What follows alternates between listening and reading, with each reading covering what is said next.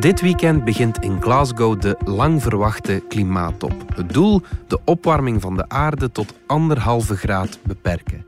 Maar hebben we echt nog eens een conferentie nodig vol bla bla bla, zoals Greta Thunberg zou zeggen? There is no planet B. There is no planet bla. Bla bla bla. Bla bla bla. We weten toch dat het ernstig is en we weten zelfs welke maatregelen we moeten nemen. Nu ik toch jullie aandacht heb, vergeet niet dat we op 3 en 4 december een heus podcastfestival houden in Oostende. Ik zal er zijn, maar vooral ook veel nationale en internationale podcastmakers. Zelf kijk ik nogal uit naar de komst van Brian Reed, man achter S-Town, een fantastische en wereldberoemde podcast. Je vindt het programma op dspodcastfestival.be. Het is donderdag 28 oktober. Ik ben Alexander Lippenveld en dit is vandaag de dagelijkse podcast van de Standaard.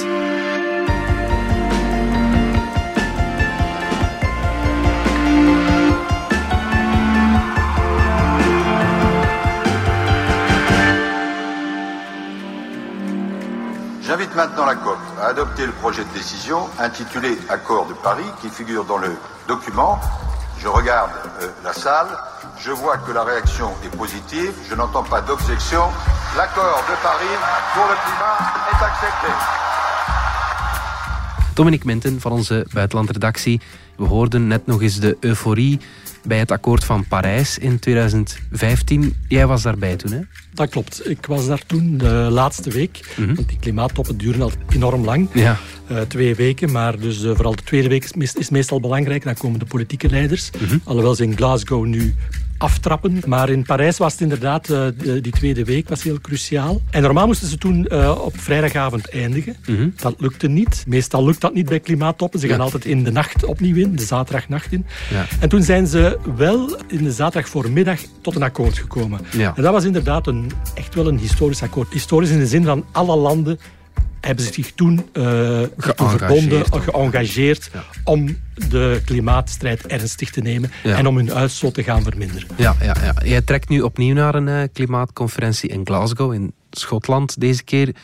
Was alles dan nog niet in eh, kannen en kruiken? Wel, eigenlijk was het akkoord van Parijs een intentieverklaring. Dat staat vol goede beloftes om de uitstoot te verminderen. Maar vooral, eh, daar stond eigenlijk in van... we moeten de opwarming van de aarde tegen het einde van deze eeuw well below, zo staat het in het Engels, Ja. onder de 2 graden houden. Ja. Dus tussen de anderhalve en 2 graden. Ja. Dat is eigenlijk het- de belangrijkste zin uit dat akkoord.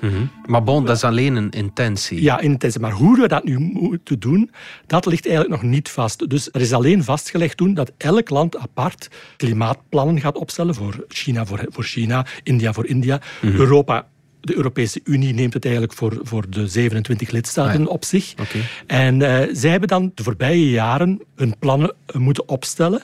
En eigenlijk moeten, die nu in, eh, moeten ze die nu gaan voorstellen in Glasgow en moeten die daar afgeklopt worden. Moeten die daar Ja. eigenlijk vastgelegd worden. Ja, oké.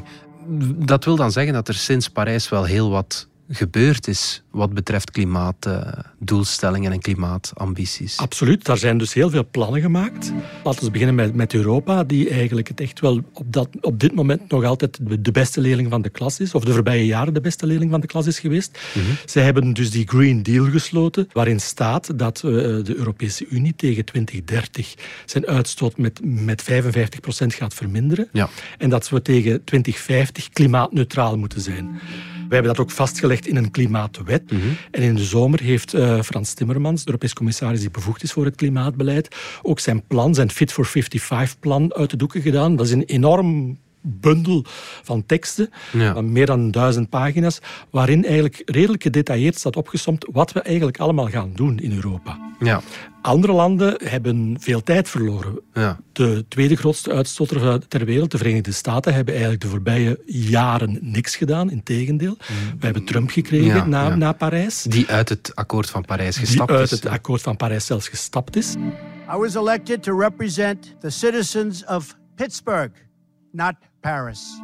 Dus dat is daar helemaal stilgevallen. Je moet dat, de invloed daarvan niet onderschatten. Dus heel de wereld kijkt ook naar, naar de VS wat toen zij. Als zij niks doen, ja, waarom, waarom zouden wij dan iets eh, moeten doen? Maar ze gaan toch iets doen. Want het eerste wat Joe Biden deed toen hij eh, president werd, was terug in eh, Parijs stappen. Letterlijk het eerste ja, zelfs. Hè? klopt.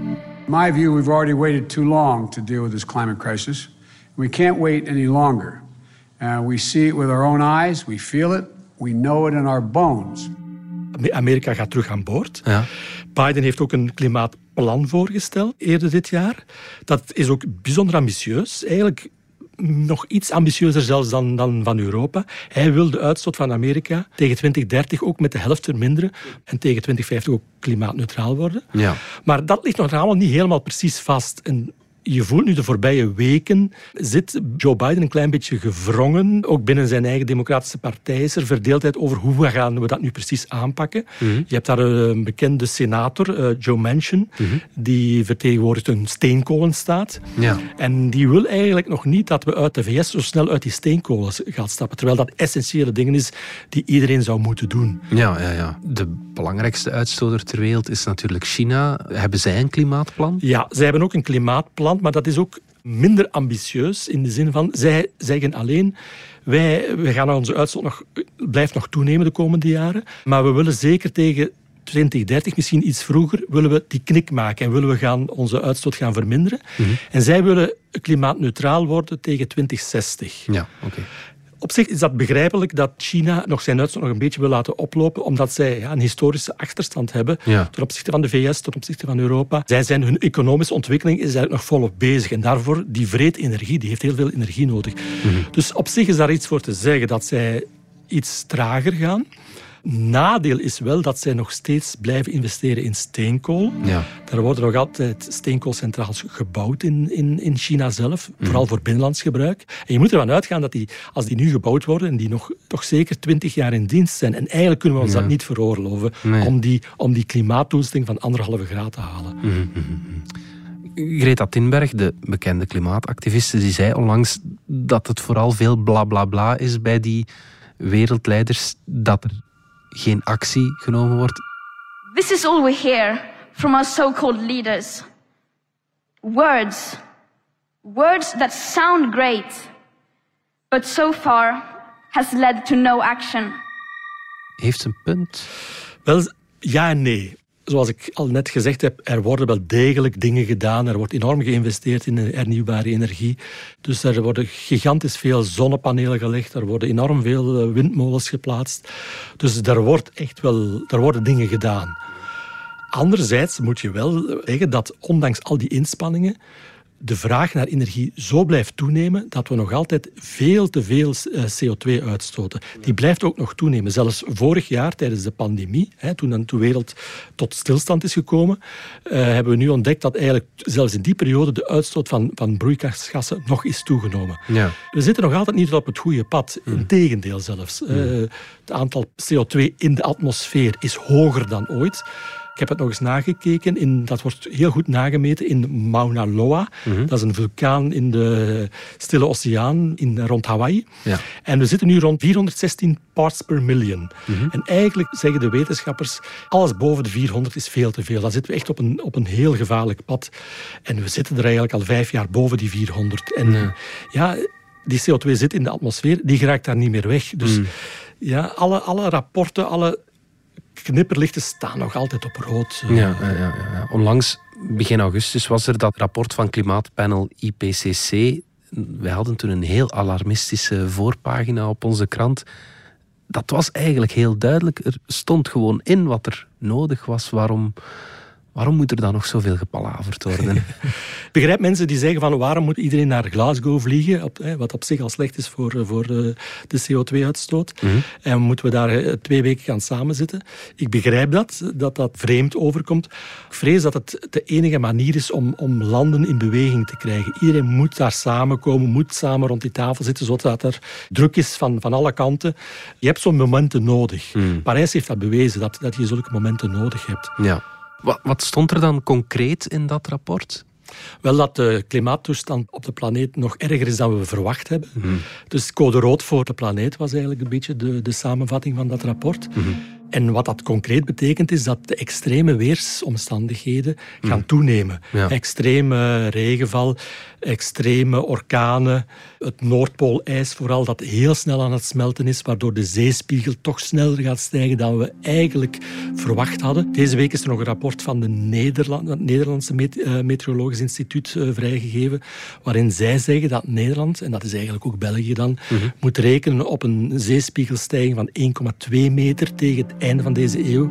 Dat wordt echt wel veel. Hè. Dus voordien was het gezegd van, ja, in het slechtste scenario moeten we rekenen op 80 centimeter Ja. stijging tegen het einde van Dat is de nog eens eeuw. de helft erbij. Nog eens de helft erbij. Dus je voelt dat zeker, hè, dat Noordpoolijs, dat is zo snel aan het smelten, dat die, dat die stijging steeds sneller gaat. Dus Ja. daar moeten we het ons toch echt wel zorgen over Ja. maken. En de menselijke impact die werd ook in dat rapport dat werd gesteld van het is sowieso door de ja, dat is nu wel. impact. dat is wat eigenlijk al min of meer zeker was. Ja, Dat de mens verantwoordelijk is voor die uitstoot. Dat is daar nu nog eens bijna zwart op wit bevestigd. Maar zelfs Greta Thunberg die zegt dat het nog niet te laat is.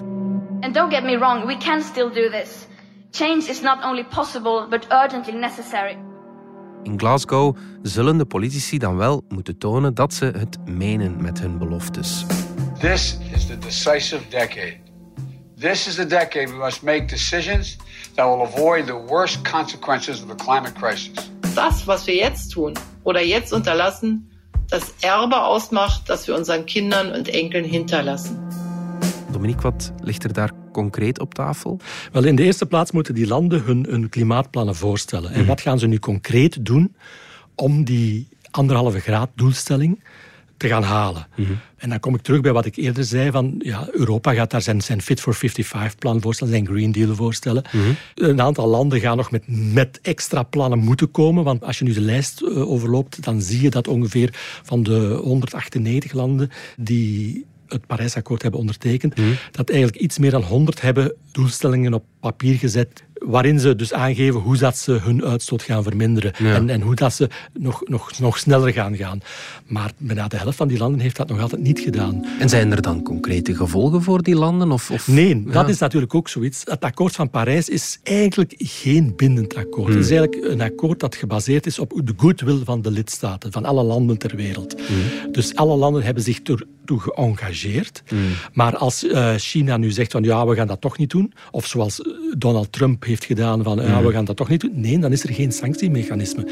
Dus sommigen vinden dat een dat akkoord van Parijs zou alleen mogelijk geweest zijn in, in deze vorm. Ja. Met een Verenigde Naties die straffen gaan opleggen aan, aan landen. De Staten dat nooit getekend, had China dat ook nooit getekend.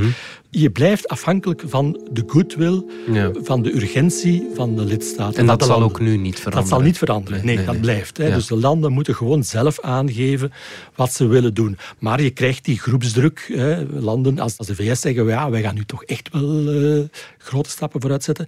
Dan, dan zal China ook meer geneigd zijn dat doen. China has committed to move from carbon peak to carbon neutrality in a much shorter time span than what might take many developed countries. Dan zal India ook meer geneigd zijn dat te doen. I want to emphasize the importance of lifestyle change in climate action.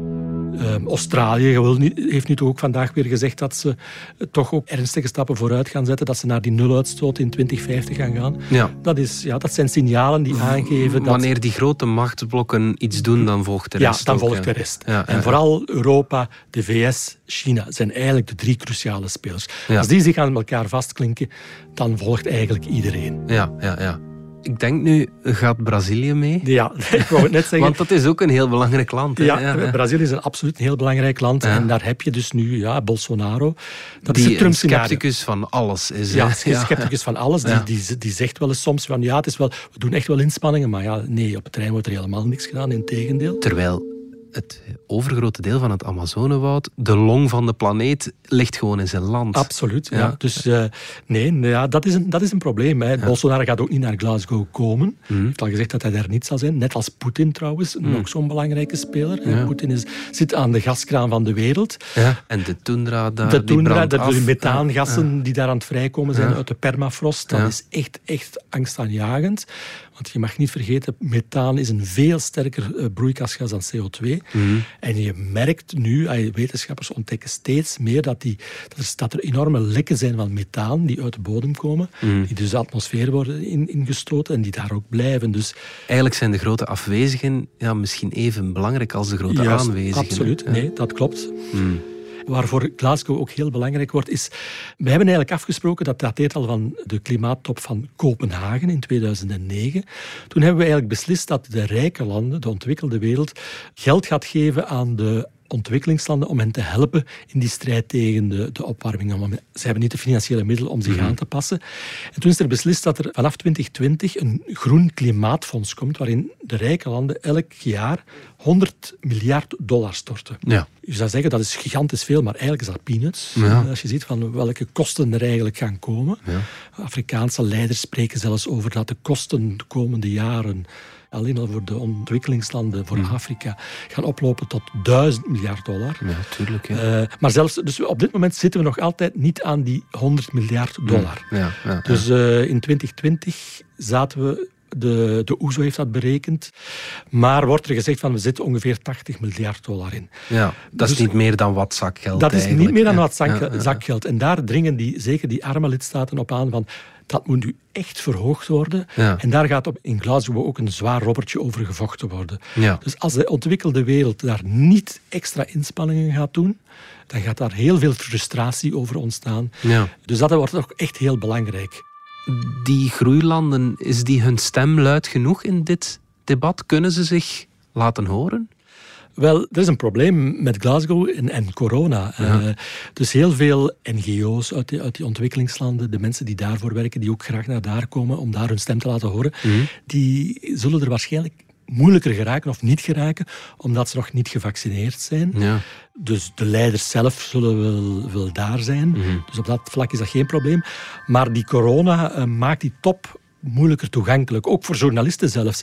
Als je naar daar wil, moet je gevaccineerd zijn. Je moet testen ondergaan. Als je naar de site zelf gaat waar die onderhandelingen plaatsvinden, dan moet je elke dag een coronatest ondergaan. Elke dag, Elke dag, ja, ja. die kan je dan wel zelf doen. Maar enfin, het kost ook geld. Ja. Eh, hotels zijn heel duur Ja. om, om daar te logeren. Airbnb's bieden nog een Ja, oplossing. dan is dat maar- voor een NGO Ja, natuurlijk nee, niet nee, zo dat is, dat niet zo, niet zo is dat moeilijk. Ja, dus, dat, ja. dus corona maakt ook die toegankelijkheid van, van, die, van die klimaattop moeilijker dit jaar. We zijn terug na de reclame. De wereld verandert sneller dan ooit. Blijf bij met de Enterprise Cloud van Workday. Eén systeem waarmee u continu plant voor elk what-if scenario. Workday, het finance, HR en planningssysteem voor een veranderende wereld. Dominique Minten van onze buitenlandredactie. Een ander belangrijk punt is natuurlijk de energievoorziening over heel de wereld. Fossiele brandstoffen, ja, die, die moeten eruit, hè, Dominique? Die subsidies aan de fossiele brandstoffen. Ja. Die stromen blijven nog altijd bestaan. Mhm. Ook Europa eh, doet wel zijn best om zijn uitstoot te verminderen. En- maar tegelijkertijd blijven we nog altijd geld eh, toestoppen aan aardgas bijvoorbeeld. Ja. En, en dat wordt belangrijk om, omdat in, eh, in Europa heel veel geld op de klaar staat om geïnvesteerd te worden in hernieuwbare, in, in groene energiebronnen. Maar als aardgas daar ook onder valt, ja, Ja. dan gaan we ook die, die, die subsidies aan aardgas blijven voortzetten. Ja. En dat is een, zijn heel moeilijke discussies, want ja, veel landen zeggen van ja, maar we hebben de aardgas toch de komende jaren, tot, ja, eigenlijk is dat tot 2050 nog nodig als een soort van overgangsenergie. ja, wij waarschijnlijk ook. Wij eh, waarschijnlijk ook, ja. Dus als wij onze kerncentrales gaan sluiten, die plannen om, om aardgascentrales te bouwen, die zijn er. Ja. De vraag is dan, eh, worden daar dan technieken opgezet waardoor de uitstoot eigenlijk opgevangen wordt en Mhm. opgeslagen wordt? Ja, ja, ja. Dan kan je zeggen van oké, dan eh, is dat verdedigbaar voor het, voor het klimaat. Maar als daar, daar geen eh, uitstootopvang op zit, ja, dan, zitten we, dan zijn we onze uitstoot weer aan het verhogen. Dus het zijn allemaal heel moeilijke discussies. Mm, Eh, die geven ook, mijn zin is nogmaals aan, van hoe moeilijk het is om, om die energietransitie om die ooit tot een goed einde te brengen. Dus de uitdagingen zijn zo groot. Ja. Mensen hebben steeds meer energie, nood aan energie. Hè. Al die opkomende landen als India, China. Ja, die mensen... Die willen ook groeien. Die willen ook een goed leven. Die hebben dat recht ook. en wie zijn wij om hen dat te verbieden? Ja, Absoluut, dat, dat recht hebben wij niet. Wij hebben er al die jaren van geprofiteerd. Mhm, mhm. Dus ja, dus dat maakt het allemaal zo, zo, zo ongelooflijk ingewikkeld. Wat is de rol van ons land heel bescheiden. Zeker in Glasgow. Eigenlijk vallen wij onder uh, de Europese plannen. Ja. Dus uh, we sturen wel heel veel ministers, hè, want die hebben we genoeg. Ja. Uh, Hoeveel klimaatministers we hebben we? er vier, vier klimaatministers, dus die gaan allemaal gaan. Het is beter dan de volksgezondheid. Ja, het is iets, minder dan de volksgezondheid, maar nog meer dan genoeg. Ja. Bijvoorbeeld Zoal Demir, de Vlaamse minister die is ook toch wel terughoudend in de zin van, ja, Europa, we moeten toch oppassen dat we geen dingen ondertekenen mhm. die, die we niet kunnen waarmaken. Hè. Dat we dat, die ambities moeten we dat ook al een beetje voorzichtig mee zijn. Mhm, mhm. De klimaatspijbelaars die uh, opnieuw op straat komen sinds deze maand, die vinden alvast dat ons land niet ambitieus genoeg is. In België, in de politiek, zijn ze allemaal bezig over hoe goed dat we aan bezig zijn en meer investeringen in dit en dat. Maar als we kijken naar de cijfers en de wetenschappers, gebeurt er absoluut niet genoeg. Dat was Anuna de Wever van op de klimaatbetoging in Gent vorige week vrijdag. Hebben ze gelijk dat we niet ambitieus zijn? Ja, ze hebben wel een punt natuurlijk. Uh, dus eigenlijk in de nieuwe plannen van Europa moet België zijn uitstoot tegen 2030, dat is dan de niet-ETS, dat zijn dus de, de transport, de gebouwen, de mhm. landbouw, u en ik, mhm. moeten onze uitstoot met 47% verminderen tegen 2030. Ja. Ik heb het nog eens nagekeken. We zitten nu voor België, denk ik, rond de 7% misschien. Voor Vlaanderen zelfs maar rond 5%. Ja.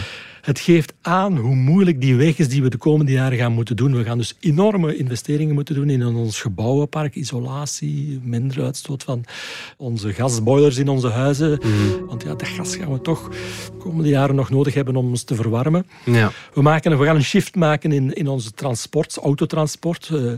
Dankzij de bedrijfswagens, moeten we zeggen. Want die, hè, daar is een akkoord over dat dat, dat, die allemaal, dat dat volledig gaat geëlektrificeerd worden. Dus dat is op zich is dat een goede zaak. Dus daar mm. gaan we wel zeker winst maken. Mm. Maar dan nog blijft gaan we die uitdaging die op tafel ligt, die 47 procent, hoe dat we dat gaan fixen. Dan moeten we meer dan één tandje bijsteken. Meer dan één tandje bijsteken. Dus op dat vlak heeft Anuna de Wever een punt. Ja.